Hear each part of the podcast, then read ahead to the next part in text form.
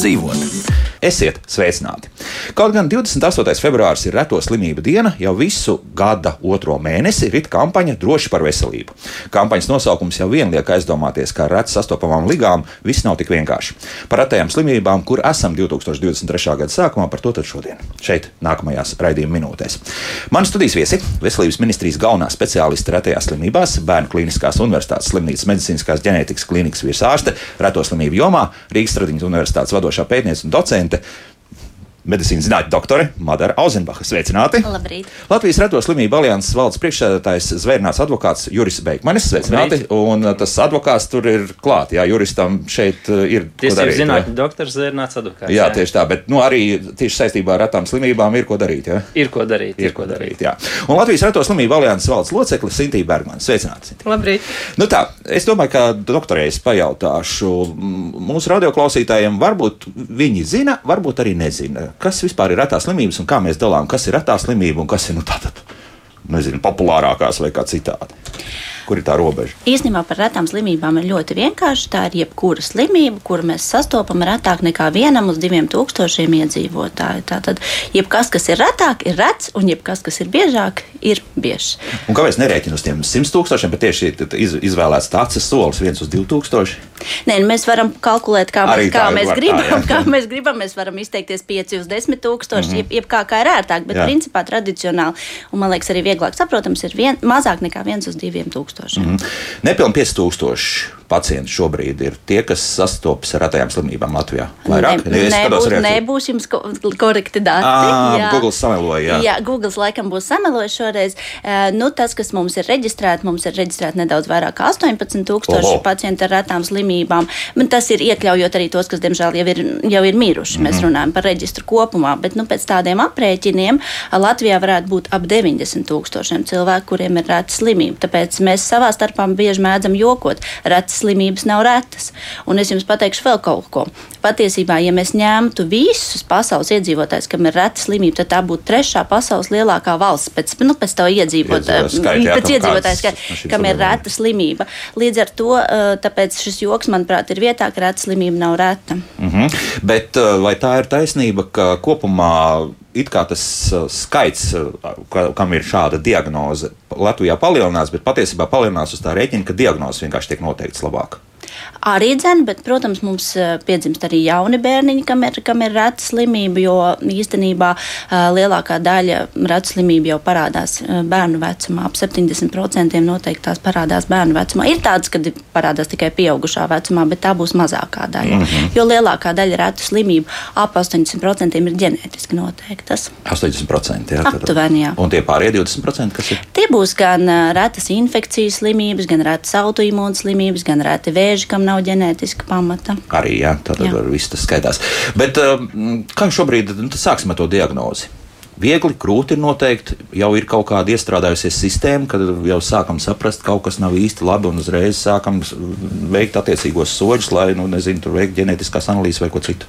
Ziniet, kā ir retās slimības, ir īpašs ar to, ka šeit nav viena scenārija. Ja? Tad, tad mēs nevaram iet pēc viena tradicionāla scenārija. Mums būs retās slimības, kur mēs noteiksim pilnīgi veselam bērnītim jaundzimušo skrīningā, mēs uztaisīsim no papēdīšu analīzi un teiksim, jā, šim bērnītim ir reta slimība un ķersimies pie darba. Būs retas slimības, kas parādās maza bērna vecumā vai, vai pirms dzimšanas, ja, tos, tos, tās, teiksim, kas būs biežākas un kuras mēs labāk pratīsim atpazīt. Ja. Nu, piemēram, visiem labi zināmais Dauna sindroms, ja tur bieži jau grūtniecības laikā mamītē mēs mm, ģimenē varam pateikt, ka tur būs Dauna sindroms vai, piemēram, tāda slimība kā, kā mm, cistiskā fibroze, kas ir mūsu jaundzimušo skrīningā iekļauta. Tātad tas būs tāda agrīna. Ja. Bet, protams, būs tādas slimības, kas ir retas, kurām būs simptomi, ārsts sūtīs pie ģenētiķa, ģenētiķis veiks uh, diagnostisko testēšanu un noteiks ģenētisko analīzi. Tās būs, uh, tie būs tādi labākie, vieglākie gadījumi un, un, un, un nu, salīdzinoši priecīgākie gadījumi. Bet problēma ir ar tādām ļoti retām slimībām un, un, un neaprakstītām slimībām un tādām, kas aprakstītas ir tikai vēlāk. Patiesībā pasaulē viens to, ko stāsta pacientu organizācijas, pacientu anketas un viss pārējais, ka patiesībā vislielākā trauksme reto slimību pacientiem ir par to, to, ka diagnostika ir tik ilga. Mm, tā nav Latvijas problēma. Tā nav tā kā mūsu, nu mēs tagad nabadzīgi, mēs neko neprotam. -hmm. ja? Tādas valstis kā Lielbritānija, tādas valstis kā Amerikas Savienotās valstis, vidējais diagnostiskais laiks pat ir septiņi gadi. Jūs nepārklausījāties. Kā tā? Kā tā? Kāpēc? Tāpēc rētās slimības ir unikāls. Jūs iedomājaties, ir cilvēki, ir pacienti mūsu vidū, kuriem ir diagnosticēta šī retā slimība, un tādi ir tikai četri visā pasaulē. Visā plašajā pasaulē ir šādi četri cilvēki. Ja. Eh, viens eh, mūsu pacients, nu, kas uzreiz ienāk galvā, protams, par katru pacientu ir savs stāsts un, un sava atmiņa, ja, kas savu diagnozi gaidīja 18 gadus. 18 garus gadus viņš nāca pie mums, un mēs par viņu domājām un, un meklējām. Un patiesībā viņa diagnoze, nu, šis te, kas, kas viņam ir, ja, tika aprakstīts tikai 2019. gadā, un 2020. viņš nabaks beidzot tika pie savas diagnozes. Tas ja. nozīmē, ka vienkārši cilvēkam ir slikti.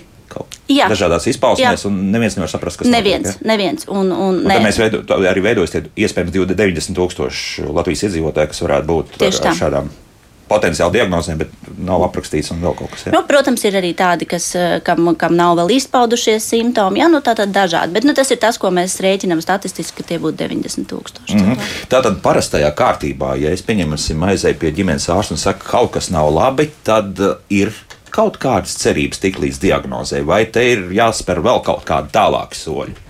Mēs vienmēr skatāmies uz gaišo pusi un, protams, Jā. ceram, ka pie diagnozes pacients tiek. Tāpēc ģimenes ārstam ir iespēja nosūtīt pie ārstiem speciālistiem. Jā, tātad, un ārsts speciālists tātad tālāk lemj, nu, kāds būtu šis izmeklēšanas plāns, ja sastāda kopīgi ar ģimenes ārstu optimālā situācijā, ja, vai arī paši ir iespējams rīkot ārstu koncīlijas, ja, nu, un arī nosūtīt pie ģenētiķa. Ja, tātad, tas ir ārsts, kurš veic ģenētiskus izmeklējumus, bet jau saskaņā ar to, ko speciālisti ir nu, atraduši, ko, kādas aizdomas ir raisījuši. Mm -hmm. nu, tad no tā pesimistiskā gala.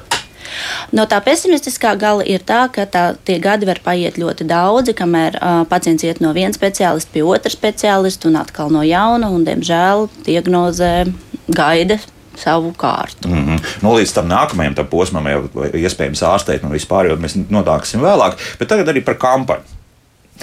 Nu, tas nosaukums tāds interesants, droši par Kāpēc tā? Tāpēc, ka mēs vienmēr gribam būt droši par šo mūsu veselību. Tādā ziņā, ja tur nav kaut kādi nezinu, sociāli aspekti vai ka vēl kaut kas tamlīdzīgs neparādās, nu, teiksim, nav, nav tā. Tajā skaitā, jā, tajā skaitā, tajā jā. skaitā, jā, jo redz, mēs parasti runājam, cilvēks saka, tā, ka pacientiem ir tikai tiesības, jā, bet viņiem arī zināmā mērā kaut kāds pienākumi. Un tas, ko jau doktori tikko teica, ka tā diagnoze ratajām slimībām uzstādīšana ir ļoti garš un ilgs process. Taču pacientiem ir pienākums stāstīt par to, kā viņš jūtās, viņam sadarboties ar ārstu. Tāpat tās pacientam ir arī pienākums ierasties laicīgi uz vizītēm, nevis atteikt. Jo ārsti, sevišķi, kad mēs runājam par retajām slimībām, tiek sanāk vesels koncīlijs, vairāk ārsti gaida uz šo cilvēku. Un, ja viņš pēkšņi bez jebkāda iemesla neierodās uz šo vizīti, tad brīdī mēs noņemam iespēju citam pacientam. Tad tas arī ir tas no pienākumiem, kas viņam būtu nu, jāievēro. Labi no tās puses, bet uh, arī par to, ka varbūt ir kaut kāda nu, aizsprieduma par to, ka es labāk neko neteikšu. Pieņemsim tās, mēs tūlīt klausīsimies vienu ierakstu, ja, un, un tur tās blaknes, kas faktiski ir uh, šai dāmai bijušas, nu, tās ir nu, tādas, par kurām nu, nevienam arī pat ārstam varbūt negribas tā īsti stāstīt. Nu, mēs, mēs dzirdēsim, jā. Nu, tas man noteikti, kad es to dzirdu, man tas ļoti apbēdina. Jo mm -hmm. sadarbība un, un tāda optimāla ceļš ir iespējams tikai tad, ja mēs savstarpēji varam uzticēties un savstarpēji komunicēt. Un es vienmēr esmu saviem pacientiem teikusi, ka tas ir ārkārtīgi būtiski, ka mums ar jums izveidos kontakts un jūs nākat un stāstat. Un lai kas arī būtu noticis, aizmirsāt iedzert zāles, negribējāt dzert zāles, nezinu, balējāties vēl kaut ko. Ja?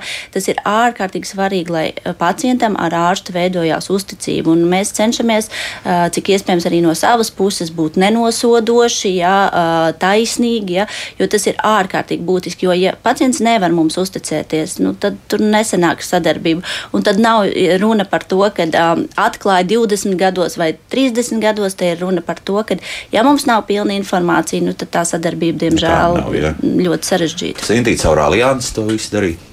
Mm, nē, ja jūs domājat par manu meitu, tad nē, es to nedarīju caur aliansi. Mm -hmm.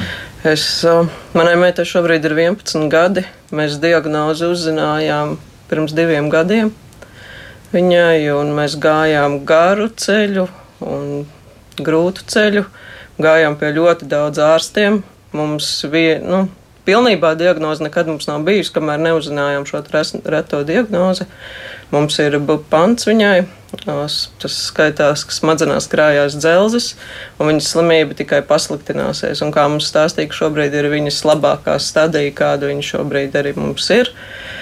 Un mums tas ceļš bija tāds, ka jau no mazotnes mēs sapratām, ka kaut kas nav tā kā vajag. Un gājām pie visādiem ārstiem. Mums teica, ka, lai nesatraucās, mums tur pat uh, lamāja ārsti teica, ka nedodiet visiem ēū viņai. Bet, uh, lai viņa sāktu runāt, jo viņa mums nerunāja, uh, tad mēs turpinājām staigāt gan pa terapijām, gan pa ārstiem. Bijām pie ģenētiķa, kurš mums paskatās uz rokām un uz mani un uz bērnu tēvu un saka, nē, netērējiet naudu, nav jums nekāda ģenētika Bet uh, būs pagāja, labi. Jā. jā, būs labi, jā, nestraucēties. Bija ārsti, kur teica, devas, nu, dodiet šīs zālītes, nāks viss vaļā kā šampanieša korķis. Viss būs kārtībā, bet nu, tas viss nenotika. Viņa nerunāja, viņa bija nestabila, viņa klupa. Oh, nu, bija īstenībā ļoti grūti tas viss. Un tad mums pieteicās mazā māsa, kur mēs sapratām, ka mēs nodosim cilmes šūnas Jo iespējams, ka tas varētu kaut kur palīdzēt, un mums bija plānā pat viņai tā kā muguras smadzenes pārstādīt, bet tur mums paprasīja nu, pilno ģenētiku. Un tad mēs sapratām, nu, ka jāiet vēl vienreiz pie ģenētiķa, un ir jāsaka, nu, ka, nē, nu, ka mēs taisīsim tās analīzes. Nu, tas nekas, nu, cik tur Tātad diagnozi joprojām jūs nezinājāt? Nē, jā? vēl joprojām Aha. nezinājām. Un tur aizgājām pie cita ģenētiķa un paņēma visas analīzes un tad lūdzu mūsu retā slimība. Tālākie soļi, nu mēs tā lēnā garā virzamies priekšu. Tālākie soļi šobrīd ir tādi, ka nav viņai zāļu, nav vēl atklātas zāles viņai. Šī slimība ir viena no jaunām slimībām. Viņa arī nu, nav sena. Nav, viņa ir viena no desmit miljoniem vispār pasaulē. Un, um, Tad, kad viņai kaut kas notiks, vai tur atteiksies rociņas vai kājiņas, tad tieši to arī ārstēs. Tagad šobrīd mēs ejam pie terapeitiem, mēs darām tā, lai viņai patiktu viņas dzīve, lai viņa nav pārslogota, lai viņa ir priecīga. Dzīvojam šobrīd, Jā, šai dzīvojam, dienai. Tieši tā. Un jācer, ka kaut kur kāds zinātnieks pie tā visa. Ai, par to vienmēr strādā, ceram. Jā. Jā. Uh, Juri, šeit kāds komentārs, un tad mēs arī nonākam pie tās uh, situācijas, ka jūs teicāt par to, ka pacientam ir ne tikai tiesības, bet arī pienākumi, bet šeit par tiesībām runājot. Nu, kāds, vai šeit mums ir kādas problēmas Latvijā ar to, ka tiesības netiek ievērotas reto pacientu? Nu, teiksim tā, manuprāt, ir ļoti daudz tādi jautājumi, kuros pacienti gribētu, lai viņš tiek vairāk uzklausīts. Un tāds paradoks veidojās. No vienas puses ārsti grib, lai viņi, viņiem stāsta, no otras puses arī pacienti vēlās, lai viņus uzklausītu. Un tad tā ir interpretācija. Un, un tad mēs nerunājam varbūt par ārstiem vai pacientiem kopumā, mēs runājam par individiem kaut kādiem, par izpratnēm. Tā ir kaut kāda cieņpilna izturēšanās, jo cilvēkam ir stress, neziņa, viņš nezina, kāda ir tā diagnoze, bet tā problēma ir, un tad ir vajadzīga šī līdz, līdzjūtība, iedziļināšanās tajā problēmā. Tas ir tas, ko tas pacients sākotnēji sagaida. Un tad jau tad, kad mums tā diagnoze ir uzstādīta, tad, protams, gribās saņemt to labāko veselības aprūpi. Un, teiksim, ja mēs runājam par bērniem, tad bērniem, bērnu intereses ir primārs un, un, un valstī pēc arī dažādiem uh, starptautiskiem noteikumiem ir jānodrošina Uh, šīs iespējas saņemt šo pienācīgo veselības aprūpi, cik tas, cik tas ir iespējams, protams. Un tad uh, no juridiskā viedokļa, protams, notiek šī tāda kaulēšanās un cīnīšanās, ja, jo valsts saka, mums ir budžeta iespējas. Savukārt uh, ir kaut kādas normas, starptautiskais noteikumi, kas pasaka, ka bērni interesēs saņemt labāko veselības aprūpi. Mm -hmm. un, un, un šeit notiek tā cīņa tāda. Bet tie, tiešām šo gēnu tritēšanu tas ir dārgi. Jā. Jā. Jā. Tas ir, ja ir jātaisa par savu naudu, nevis uh, pa valsts un neizstāvi rindā, Jā. tad tas ir dārgi. Tūkstoši? jā, tūkstoši. Nu, mēs varam teikt, ka reto slimību pacientiem šīs medikamenti ir ļoti dārgi. Viņi var izmaksāt pat vairākus simtus tūkstošus gadā. Tas nav nopirkt pat pāris eiro aptiekā. Mm -hmm. Tur, nu jā, tāpēc, ka reta slimība un kurai farmācijas kompānijai ir jāpelna, jā, nu, vai vismaz jāpelna savu, jā. savu ieguldījumu visā šajā lietā. Jā, tas tā ir. Nu, paklausīsimies šobrīd arī kādu ierakstu, un to mums ir sagādājusi Daina Zalamane. Svetlana Pavāra, runājot par savu dzīvi, saka, ka tā dalās divās daļās. 26 gadus viņa dzīvoja ar slimību, nezinot diagnozi, bet pēdējos 4 gadus ar to pašu slimību, bet jau zinot diagnozi, hereditārā angiodēma. Tagad viņai ir zāles un dzīves kvalitāte ir pavisam cita. Daina aprunājās ar Svetlānu. Klausāmies! Svetlana Pavāri ir skolotāja Ulbruks vidusskolā, un es viņai zvanu dienas vidū, kad ir brīva stunda. Viņa stāsta, ka pirmo slimības lēkmi piedzīvojusi 16 gadu vecumā sākas sāpes, kuras ārkārtīgi spēcīgi pieņems spēkā ar vēmšanām, ar caurējām līdz samaņas zaudēšanai, ar augstuma drabuļiem svīšanu. Protams, ka tika saukt ātrā palīdzība nonāca pirmoreiz uh, Valmieras slimnīcā, bet, nu, tie bija 80. gadu pirmā puse izmeklējumi, lielas ārstu acis, plecu raustīšana. Tās liekmes varēja sākties jebkurā brīdī, naktī, dienā. Tā neziņa, tā panika, ka tev atkal tik mokoši sāp, tu sauc ātro palīdzību. Man ir bijusi tāda vainas apziņa, ka es kaut ko daru nepareizi, tāpēc man ir tādas tās mocības. Slimības pazīmes bija arī tūska vēderā, sejā un citviet. Svetlana gāja pie ģimenes ārsta, bet daudzie izmeklējumi nekādu skaidrību neieviesa. Regulārs endoskopijas, kolonoskopijas šī izmeklējumi nav ne gastrīti, nu nekā, nu viss ir kārtībā, jums viss ir labi. Un tad tā vainas apziņa pie ģimenes ārsta, ka tu stāsti, ka tev tik, tik šausmīgi sāp, un tās, ja ir šīs te vēdera tūska, tās ir divas, trīs dienas vienkārši vienkārši fiziski man, nu, toalete gulta un tā ar, ar, ar bieži vien ar noģīpšanu, jā, ar, ar bezspēkā nokrišanu zemē aiz sāpēm.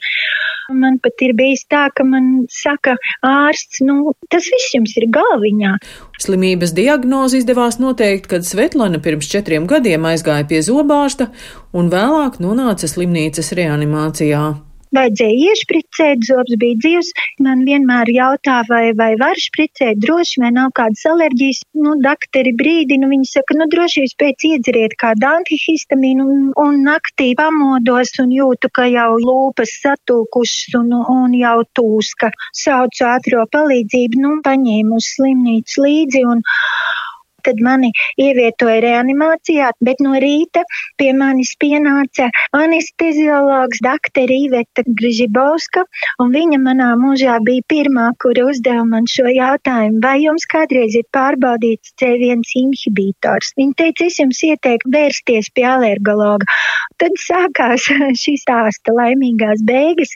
Es nokļuvu pie alergoloģa Signas Puriņas, un, un man uztaisīja vienas analīzes, un Tobrīd vēl Latvijā šīs analīzes neveica, bija jāsūt uz Dāniju, un tobrīd, kad man konstatēja slimību, doktere Puriņa teica, ka es esmu astotā pacienta, kurai ir diagnosticēta šī slimība. Šobrīd es zinu, ka mēs jau esmu, esam patsmit. Svetlana saka, zināt slimības diagnozi un saņemt zāles, kas palīdz Tā ir laime.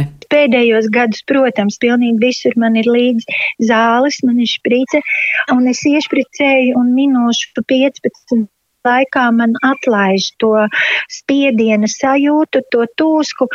Nevaru bez emocijām to visu. Tas tiešām ir ļoti nozīmīgi. Jā, priekš manis, ka ir tāds atbalsts no ārstiem, atbalsts no valsts, ka šīs zāles es varu nopirkt, jo zāles ir ļoti, ļoti dārgas. Bet, ja sākumā bija ierobežojumi summā, tad šobrīd ir tā, ka tā ārsts drīkst izrakstīt un es varu lietot tik, cik man vajag uzzināt savu diagnozi. Ļoti. Es atvainojos, es savākšos. Oi, tā ir neizsakāma laime, jo ar hereditāru angiodēm var sadzīvot, ja tev ir blakus zāles. Ja tev ir blakus zāles un var sadzīvot, un cik no tiem pasmit tūkstošiem šobrīd spēj sadzīvot un kuriem ir zāles. Diemžēl vēl viens reto slimību mīnus ir tas, ka lielākai daļai zāles nav. Un, uh, man ir jāsaka, arī ar diezgan lielām skumjām balsī arī ne tikai nav, bet visticamāk, kas arī nebūs. Nav Šo... intereses kompānijām ar to nodarboties. Tieši tā. Mēs šobrīd runājam par to, ka aptuveni 5% gadījumu terapija ir iespējama, un pārējos gadījumos mēs, protams, varam cerēt cerēt vienmēr vajag. Es vienmēr saku saviem pacientiem, vienmēr ir jācer. Taču tomēr, ja šī slimība ir unikāla, reta, vai tas mehānisms ir tāds, ka zāles nevar radīt. Ja? Ir tādas slimības, kuras mēs neredzam mm, tā kā, nu, tā kā izpausmes, bet viņas jau ir attīstījušās ļoti ilgi pirms tie simptomi parādās, ja? šūnu līmenī. Ja? Un patiesībā, tad, kad jau parādās šie simptomi, patiesībā mēs vairs neko nevaram izdarīt. Ja? Un, ja ir tā kā es minēju, ja ir trīs, četri cilvēki visā plašajā pasaulē, farmakompānija neinvestēs līdzekļus, lai šīs zāles pārdot, jo Pretējā gadījumā mēs vienkārši nekad mūžā nevarēsim par viņiem samaksāt. Jā? Protams, radīt var ļoti daudz ko, bet eh, ir jāspēj arī samaksāt par to. Jā. Bet, doktor, nu, pieņemsim, kaut kādas gēnu terapijas, vēl kaut kas ir iespējams šobrīd, vai, vai tas vēl ir kaut kāda nākotne? Nē, tā, tāpat nav zinātniskā fantastika. Gēnu terapija ir iespējama, ir, ir atsevišķās valstīs arī pieejama. Varbūt, ka būs arī mūsu valstī. Nu, to, to, jau tad, to jau tad mēs ceram un gaidām. Tur atkal, šeit, ja mēs runājam par gēnu terapiju, tad cena ir vairākos miljonos. Ja, te mēs vienam pacientam. Vienam, bet tā, tā, tā vienam, ir viena reize. Teiksim, vie, jā, vienam viena pacientam, reize. nu, piemēram, nu, ir tāda slimšana kā spinālā muskuļa atrofija, ja, kur, kur nu, bērniņš sākotnēji pārsvarā attīstās tā kā labi, ja, mentālā funkcija, tad smadzenes darbojas labi, taču um, sāk atmirt. Uh, šīs nervu šūnas, kas nodrošina kustību, ja, un praktiski, ja, un šeit Muskuļi mēs runājam, ja. iet bojā, jā. ja. Šeit mēs runājam par cenu, nu, kas ir oficiālā tāda tā, tā, internetā pieejamā, ja, 2,6 miljoni vienam pacientam. Jā. Nu, caur labdarības organizācijām, nu, ja tāda nepieciešamība būtu, varētu savākt visdrīzākais. Vai 2,6 miljonus vienam? Es nezinu. O, šis ir tas lielais jautājums, jā. vai ne? Bet ko es gribu piebilst, lai neizklausās tik bēdīgi? Uh, tomēr, uh, nu, kas ir vismaz šai saslimšanai, mūsu valstī ir pieejamas divas dažādas terapijas. Un uh, īstenībā jāsaka tā, ka uh, mūsu valsts uh, ir tā, ka, nu, ir, protams, kā visur ir labas lietas un ir sliktas lietas, bet tomēr ir, ir rast valsts iespējas eh, šiem bērniņiem palīdzēt, un valsts šo te citu terapiju, kas nav gēna terapija, bet kas ir regulāri jālieto, ir radusi no iespēju apmaksāt. Jā. Nē, nē, neapārstēšana. Ja viņi īstenībā, ja viņi šis te ir šis te jaunsmažo skrīnings un bērnam bez simptomiem uzsāk šo terapiju, viņš ir kā vesels sabiedrības loceklis. Ja? Mm. Tikai vienīgā starpība, ka šī terapija būs jāsaņem nu, regulāri. Jā, jā, jā. Nu, viņi nevar, nevar pārtraukt. Ja? Līdz kamēr varbūt tie 2,5 miljoni kļūs par mazāku summu. Gēna terapiju mēs parasti varam lietot kaut kā kādos noteiktos laiks brīžos. Šajā gadījumā tas ir bērniņi līdz diviem gadiem. Bet nu, mēs te, te izvēlējāmies tādu specifisku stāstu. No, nu jā. ir, arī, ir arī atsevišķi citas eh, gēnterapijas, piemēram, acu slimībām un, un tā. Tad, tad eh, darbs pie gēnterapijas notiek samērā, samērā aktīvi, un dažas ir arī reģistrēts. Šeit galīgi nevajadzētu baidīties no tā visa. Nē, nekādā ziņā. Protams, kā visām terapijām, arī gēnterapijai ir blakus parādības, ja, bet tas var būt ļoti glābjoši. Ja, mēs skatāmies gaišajā nākotnē uz gēnterapiju. Ja. Mm.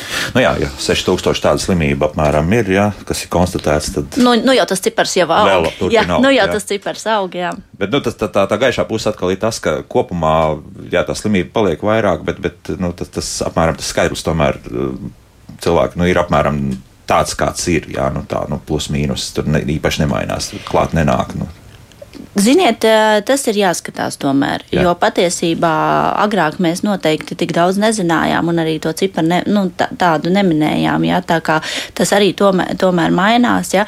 Un eh, jautājums ir tas, uh, reta slimība jau ne, nevienmēr mēs ar retu slimību saprotam guļošu invalīdu, kurš nevar pats sevi aprūpēt. Ja?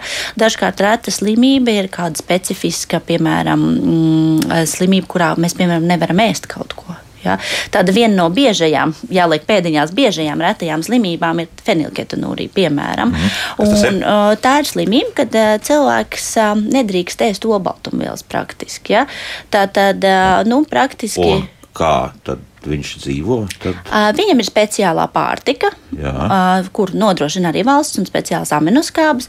Bet nu, es skatos uz jums, un es jums varu pateikt, ja, ja jūs šorīt brokastīs apēdāt trauciņu ar jogurtu, mazo 125 gramīgo trauciņu, arī ar jūsu svaru un jūsu miesas būvi, jūs visas dienas garumā nedrīkstētu vairs ēst nekādu olbaltumvielu. Ja? Tātad aizmirstiet par kartupelīšiem pusdienās, ja, vai par puķkāpostiņiem, vai par brokolīšiem, ja jūs jau visu savu normu esat iztērējis. Ja.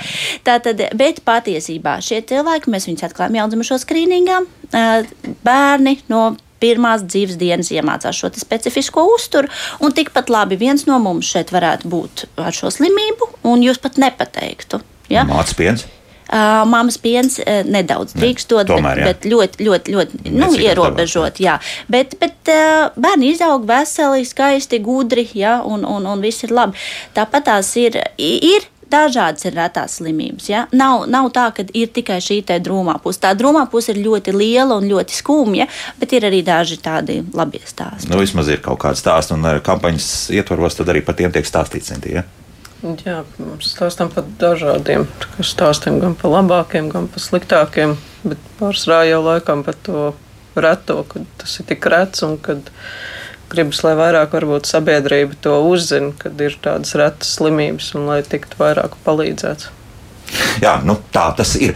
Um, nedaudz mūzikas, un pēc tam skatīsimies, kas mūsu mājaslapā ir rakstīts. Ļoti daudz par bērniem jautā. Nu, nav nekāds laikam pārsteigums ja, par to. Ja? Nu, tā ir. Būsim atpakaļ pēc 3,5 minūtēm. Kā labāk dzīvot? Šodien mēs runājam par retām slimībām. Jā, to ir gana daudz, kā mēs nu pat noskaidrojam, vairāk nekā 6000 jau tādas, kuras ir noteikts un noteikti var atrast vēl un vēl. Jā, šo, šobrīd ir droši. Jā, jā. Skaits, jā. jā šeit studijā medicīnas zinātņu doktore Madara Auzenbacha, Latvijas Reto slimību alianses valdes priekšstādātājs Zvērnāts advokāts Jūras Beigmanis un Latvijas Reto slimību alianses valdes loceklis Sintīna Bergmane. Nu, paskatāmies, ko mums šobrīd radioklausītāji jautā. Nu, jautā diezgan daudz tiešām par bērniem. Ja? Man ģimenē bērns ar retu iedzimtu kaiti, skatos Amerikas formos, jo Latvijā nekā daudz nav. Kur jūs vēl varētu ieteikt meklēt uzticamu informāciju, kur skatīties vai nav? Kas jauns izpētīts. Paldies par jautājumu. Man liekas, ka šis ir ļoti labs jautājums eh, par vienu no tēmām, kas ir ārkārtīgi būtiski parunājot par retām slimībām. Tā kā jautājums ir par bērniņu, tad um, es atbildēšu kā no bērnu slimnīcas. Ja? Tātad bērnu slimnīcā ir reto slimību koordinācijas centrs ar reto slimību kabinetu, uh, kurā tā tad ir uh, gan uh, bērnu ārsti, gan psihologi, gan uzturterapeiti. Ja? Tātad ārkārtīgi būtiski, ja bērnam ir šī retā slimība, nonākt šajā centrā, šajā, šajā kabinetā kur pretī ir ārsts, kurš vienmēr būs sagatavojies par konkrēto diagnozi. Jā, tātad vai jau, vai jau zinās, ja būs ļoti rēta, tad noteikti sagatavosies, jo konsultācija ir ilga, konsultācija ir vesela stundu, un šīs konsultācijas laikā tad, eh, tiek sastādīts vēlamais aprūpas plāns un vēlamie konsultanti, pie kā iet, un arī rekomendācijas un pārunāts, tātad, kur mēs varam iet, ar ko mēs varam sazināties un kas tad būtu visoptimālākais. Tas ar noteiktu diagnozi jau viss notiek. Jā, jā tas jā? ir ar mhm. noteiktu mm -hmm. diagnozi, bet ko es gribētu arī pastāstīt noteikti, lai mēs zinām, ka arī pieaugušajiem ir šādi kabineti. Tātad viens ir uh, Austrumslimnīcā, jā, un otrs ir Pauls Tradiņas slimnīcā. Kas ar rindām tur notiek? Ir rindas vai, vai nav? Es teiktu, ka rindas salīdzinoši pret vispārējo medicīnu ir ļoti minimāls, -hmm. un kas attiecās uz bērnu slimnīcu, ja bērnam ir tā slimība, un mēs zinām, nu, tad šis pacients mums dod ziņu, tad vienmēr šī, ta, šī vietiņa tiek arī atrasta, ja kaut kas ir akūti notikts, ja, jo mēs ļoti cenšamies darīt visu, lai reto slimību pacients justos pie mums kā mājās. Ja. Tātad tas ir pacientiem ar, ar diagnozi, ja, un, un kopīgi arī meklējam, jo patiesībā šī retās slimības ir speciāli specifisks ar to, ka ļoti veiksmīgi arī tiešām mēs varam dabūt informāciju ārvalstīs, ja, un arī paši pacienti, vecāki dažreiz nāk ar ļoti, ļoti labu informāciju, ko viņi ir atraduši par, par diagnozi, un patiesībā, ja izveidēs tā sadarbība, par ko es runāju iepriekš, ja, ka tas ir ārkārtīgi būtiski. Tātad šeit internetā informāciju var meklēt, un zinot arī diagnozi, tur var atrast pietiekami daudz, nezinu, nu, tur skatīties atkal visas naturos vai, vai vēl kādas tur, vai, vai kas mums tie ir medicīnas dažādi dažādi žurnāli, teiksim, kas internetā ir pieejami. Jā, nu, kādā ziņā arī int vārds internets man vienmēr tā kā bišķiņ biedē. Jā, jā, jā, jā. Ir, te es runāju par tādu vērtīgu informāciju, un tad es runāju arī par to, kas ir pacientu pašu pieredze. Ja? Jo man ir bijusi pašai personīgi arī pieredze, kad es esmu mēģinājusi pati pieredzēties šajos Facebook fórumos, kur ir nu, kaut kādas noteiktas diagnozes. Mani kā ārstu nemaz nelaiž iekšā. Tā sliktie, jā, tas sanāk, jā? Nē, nē, es neteikšu, ka sliktie, nu viņi grib pārunāt pacientu savus, viņiem arī ir tiesības uz savu privātumu, jā, varbūt ziņā, viņš jā. nekur negrib to ārstu, jā. Mm -hmm. Bet kādreiz ir tā, ka tieši vecāki šajā formā viņi ir, un ideālais modelis ir tāds, ja vecāks dzird, ka viņš nevis tā, nu kā saka, kā zirgs ar klapēm, tagad saka, tagad tas manam bērnam būs būt, jā, tas tagad ir tas labāk, nu vai man pašam, nu es vienkārši, piedodiet, man vienmēr tie bērni pasprūkļos, nu, pat esmu bērnu ārsts, jā. jā. Uh, bet, kad konsultējoties ar savu ārstu, mēs atrodam to labāko, to labāko modeli. Ja? -hmm. Jo, protams, es neslēpšu, ja? vienmēr mēs sagaidām, ka ārsts ir korifejs. Ja? Bet, lai kā mēs censtos, ja? retās slimībās vienmēr būs kaut kas, ko mēs nezināsim. Ja? Jo tāpēc viņas ir retas un viņas ir unikālas. Ja? Un tāpēc, ja ir šī sadarbība un vecāks to var, tad tas ir brīnišķīgi. Ja? Tad tas ir patiesībā ļoti nenovērtējami, ja, ja šī sadarbība izveidojas. Bet, nu, tā, redziet, kā Google jūs redzējāt, ka ir 5000 pacientu ar reto slimību. Tas, tas izlec, nu, ir skaidrs, jābūt uzmanīgam ar jā, internetu resursiem. Jā, jā. Viņi var būt ārkārtīgi vērtīgi. Mm -hmm. Tāpēc es vienmēr aicinu uz sarunu, un es domāju, ka tas ir labākais modelis, ka mēs kopā atšķiram atšķitinam šos graudus no pelavām. Nu, tie, tie 6 vai 5000 nepilnie, tas bija, nu, tā, tā vēl nebija tāda informācija, kas varētu nodarīt kādu lielu ļaunumu. Ziniet, jūs arī kaut ko meklējat, jā, un skatāties, un esat līdz Austrālijai patikuši. Mēs te druskuļi runājām, jā, jā mēs meklējām, pirmais, ka mēs uzzinājām to viņas diagnozi, protams, ka bija Google kuru mēs visu informāciju izlasījām, un tur jau ir aprakstīts pilnībā viss. Un tas bija tāds nu, šoks mums, kad nevarējām ilgu laiku attiekt no tā visa, kas viņai nabaga bērnam priekšā ir gaidāms. Un, kad, nu, traki bija, bet pēc tam mēs sākām rakties bišķi dziļāk, mēs sākām arī Facebook grupās meklēt, un tur mēs atradām uh, tieši tās slimības grupu. Un bija tā, ka uh, tai vienai diagnozei ne visiem bērniņiem būs tas nu, vienāds tas scenārijs, ka katram būs savs. It kā jau rezultāts varbūt beigās būs viens, bet katrs ies savu ceļu. Nebūs uzreiz, ka visi paliks tur uz krēsla vai uz gultas, bet katram būs tas savs ceļš. Un tad, jā, un tajā grupā bija no visas pasaules šie slimie bērniņi, cilvēciņi. Un katram bija sava informācija, un katrs dalās ar to. Un katrs stāsta, mums šodien ir tas un tas, un tad viņi saka, kādu viņi to mā, nu, medicīnas posmu iet, to ārstēšanas. Un ir mums arī semināri, Ik pa diviem gadiem tagad sanāk, jā, mēs tikko uzzinājām diagnozi, mums paveicās, bija seminārs, kas mūs arī tā kā mazliet nomierināja, pastāstot par to diagnozi vairāk, bet, nu, protams, nu, tas tik tāds, nu, mirkļa nomierinājums mm -hmm. ir, mhm. kas vēl priekšā. Jā, bet uh, sekot līdzi kaut kādām uh, universitātēm, kur noteikti kaut kas tiek pētīts, ir jēga, nav jēga. Pieņemsim, ka viņi tur, tur noteikti publicē pa brīdim kādu informāciju ne tikai oficiālajos žurnālos, no kādu zinātniskos pētījumus, bet kaut kādu informāciju izmet. Vai tas ir pārāk sīki un, un neprofesionāli. Es teikšu, ka tas droši vien ir atkarīgs no ģimenes, ja, jo tāpēc, kad, eh, un, un, un teiksim, no tām gan no angļu zināšanām, gan, no, gan kāda ir teiksim, šī te, nu, paša vecāka profesija, ja, jo nu, kādreiz ir ļoti tuvu piesaistīti. Ja, kādreiz ir tā, ka eh, cilvēks, piemēram, ierauga, ka jā, uz pelēm tiek veikts pētījums, un viņš sagaida, ka rīt es to varēšu nozīmēt viņa bērnam. Ja. Mm. Nu, kādreiz tas ir, tas ir ļoti sarežģīti, ja, jo gribās, ja, gribās, visiem gribās un visiem gribās, lai palīdz. Ja. Es teiktu, tādu tādu zinātnisko literatūru droši vien vajadzētu atstāt ārstu ziņā. Ja, un, un tā, un, protams, nu, ir svarīgi, lai ārsts ārsts par šo slimību zinātu. Ja? Un tas ir tas, ko es esmu dzirdējusi tieši arī no savu pacientu puses, ja? kad ārkārtīgi gribās, lai ārsts zinātu, ja? lai nebūtu jāstāsta pa jaunu. Ja? Un tas ir, tas, ir, tas ir ārkārtīgi būtiski. Bet es jau teicu, ka nu, ārsts vienmēr nezinās visu, tāpēc, eh, ja ir iespējams, un ja ir kaut kas lasīts, un ja ir kaut kas zināms, eh, un ja ir šī savstarpējā uzticība, tad vienmēr šo te pārunāt. Arī tas iet kādā Facebook formā, tas būtu ierakstīts. Lai kur tas būtu, vai jūs esat uh, Nature lasījis, prasīs. Ja? Jā. Jo tas arī, tas arī, ko Alianses priekšstādātājs teica, ir ārkārtīgi būtiski, lai mēs viens otru dzirdētu un šī saruna izveidotos. Ja? Mm -hmm. nu, bet atkal redzat, tiem ārstiem tā, nu, lasa to, kas mums mājaslapā rakstīts. Māmiņa raksta, tie ir ārsti, nevēlas sadarboties, un viņi ārstē to, ko redz. Pat nevar saskaitīt, cik ārstu speciālisti apmeklēti ir. Atbild moderni, tā ir psihosomātiska vaina, bet neiroloģis atbild, ka cilvēks vesels. Nu, tad, tad šāda situācija, ka negrib tālāk rakties iekšā visā tajā lietā. Sinti jau arī druskuļi apliecina to. Jā, jā. Jā, jā. Nu, diezgan grūti ir eh, komentēt katru individuālo Protams. gadījumu, kurā, kurā es kā ārsts neesmu piedalījusies. Jā, ja ir kaut kāds konkrēts gadījums, eh, ir, ir grūti, grūti pateikt. Nu, skaidrs droši vien ir tā, ka uh, dažkārt varbūt uh, ārstiem ir um, grūtāk varbūt ar komunikāciju, dažs varbūt ir strupāks, varbūt pacientam tas nepatīk, ja? dažs varbūt ir tiešām mazāk interesēts retās slimībās, ja? tā, tas, tas arī tā var būt. Ja? Un dažkārt ir atkal otra puse, ja? kad uh, nu, varbūt ka pacients nav gatavs dzirdēt to, jo dažkārt ir tā, ka, fāze, ja? nu, ka gribās, ka gribās kā, kaut ko interesantāk, bet nu, tad, tad nav nekā interesantāk. Tā, tas vilts karogs. Nu, tā, jo jo redzes ja? slimības, nu, tas ir tas, par ko šobrīd runā. Tā, kā, tā patiesība mēdz būt kaut kur pa vidu, ir dažādi. Ja? Ir, ir, ir gan dažādi cilvēku kolēģu vidū, gan dažādi mm, pacientu vidū. Ja? Un, un, un šo jautājumu ir, ir grūti, grūti nu, tā viennozīmīgi komentēt. Bet ko es gribu teikt, un ko mēs esam arī ar Alianci runājuši, ja?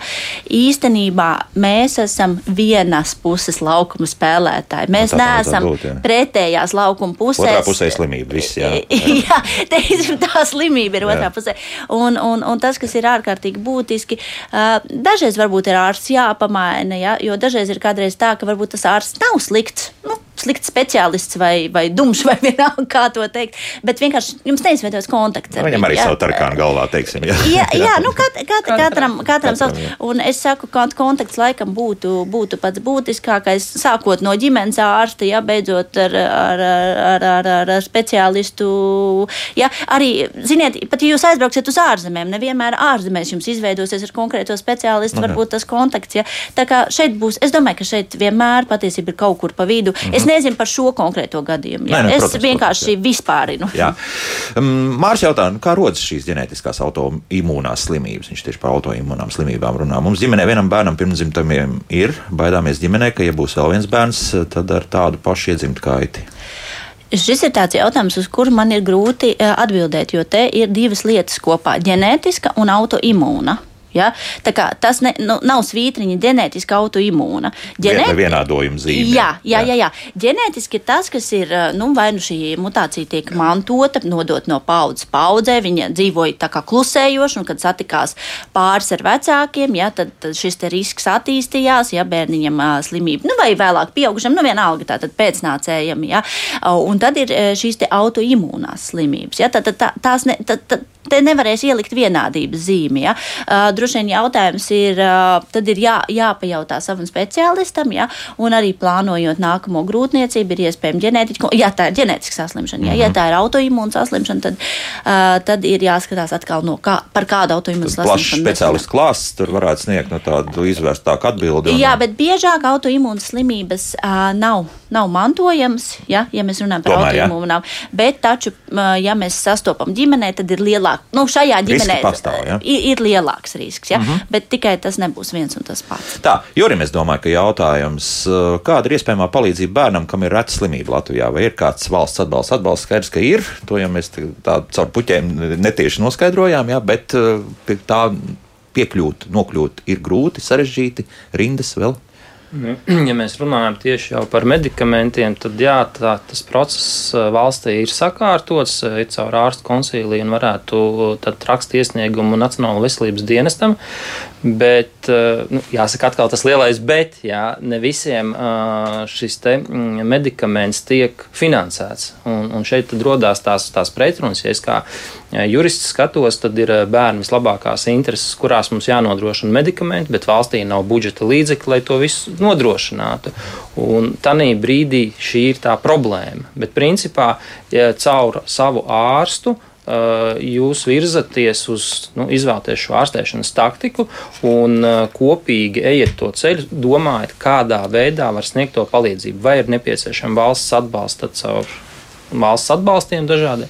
Ja nē, tad uh, var iztikt ar kaut kādām citu ārstēšanas metodēm. Tad ejam šo vienkāršāko alternatīvu. Jā, tieši jā. tā. Katrā gadījumā papildinot to, ko jau teicu, kad ar pašārstēšanos īsti nodarboties arī nevajadzētu, ja, bet pasīvam būt arī nedrīkstētu. Ir jāvāc šī informācija, ir jādod šim ārstam, jāveido šis dialogs, lai pēc iespējas ātrāk noteiktu diagnozi, lai varētu izvēlēties pareizo ārstēšanas taktiku kopā ar savu ārstu. Mhm. -huh. Un vajag arī atcerēties to, ka uh, jums ir tiesības izvēlēties ārstu, jums ir tiesības uh, runāt ar vairākiem ārstiem, uzklausīt otro, trešo viedokli, un to vajag izmantot. Un reto slimību gadījumos tas ir pat ļoti svarīgi. Kas tie ir pa ārstiem tādā gadījumā? Ģenētiķi, tad es saprotu, tas ir viens, ja? kas, kas vēl, kas tālāk? Ārstu grupa noteikti definē, kāda ir slimība. Mm -hmm. ja? Jo būs slimība, kur, kur vajadzēs vienu speciālistu un vajadzēs otru speciālistu. Ja? Un retās slimības ir īpašas ar to, ka viņas tiešām neiet pēc viena modeļa un nevar sastādīt uh, vie, pat vienai pacientu grupai. Brīžiem ir ļoti grūti šo multikomandu ap, aprūpu sastādīt, jo dažkārt vajag tādu speciālistu un vēl savādāk. Ja?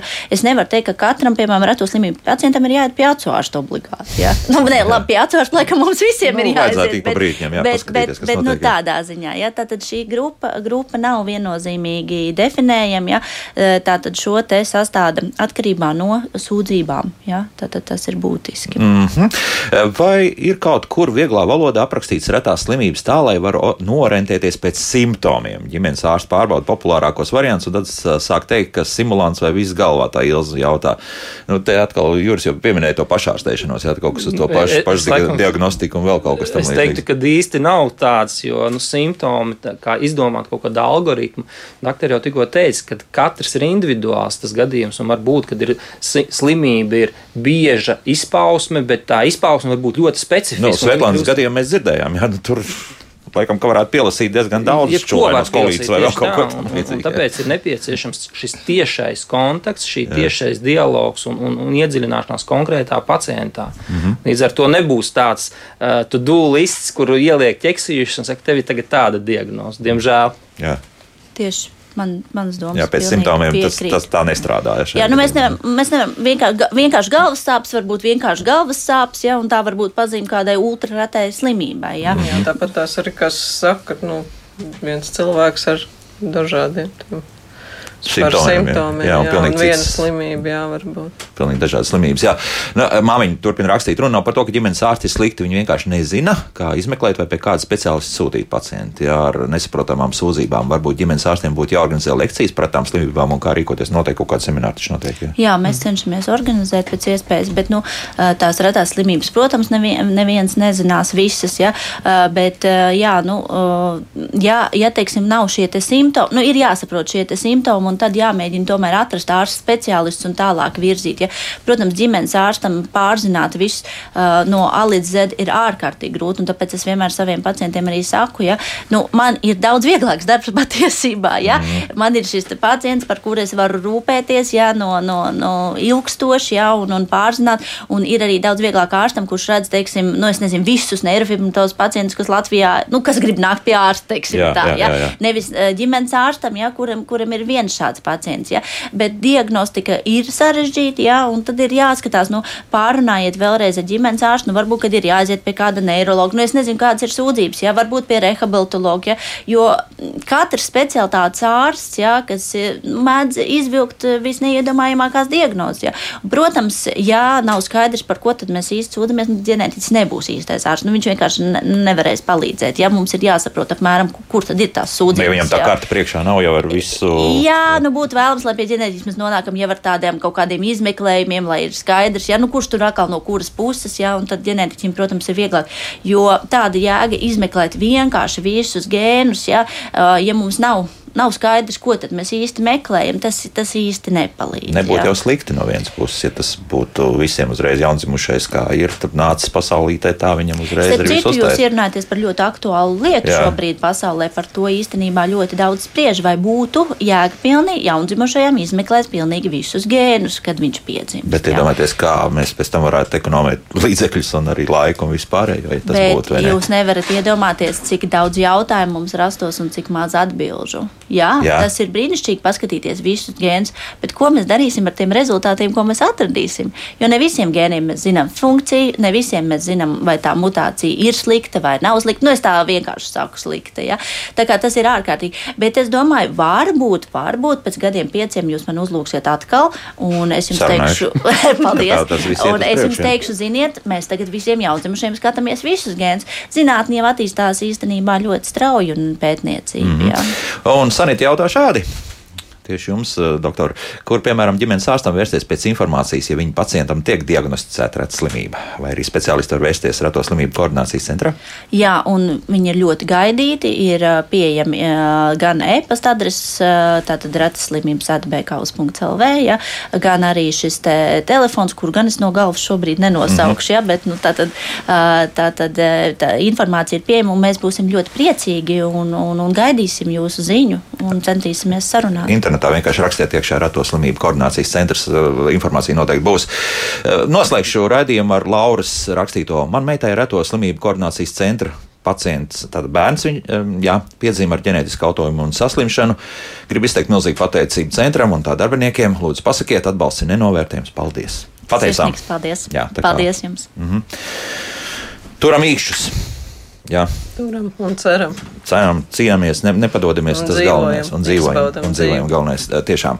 Paldies šodien, saku veselības ministrijas galvenais speciālistē retajās slimībās, bērna klīniskās universitātes slimnīcas, medicīniskās ģenētikas klīnikas virsārstē reto slimību jomā, Rīgas Rīgas universitātes vadošajai pētniecei docentei, medicīnas zinātņu doktorai Madarai Auzenbachai, Latvijas reto slimību alianses valdes priekšsēdētājiem zvērinātam advokātam Jurim Beikmanim, pie kura noteikti arī var griezties, ja ir jautājumi par šo, jā, tad ir juridiski jautājumi par kur dabūt Vismaz ievir, ievirziedosim. Jā, ievirziedosim. Jā.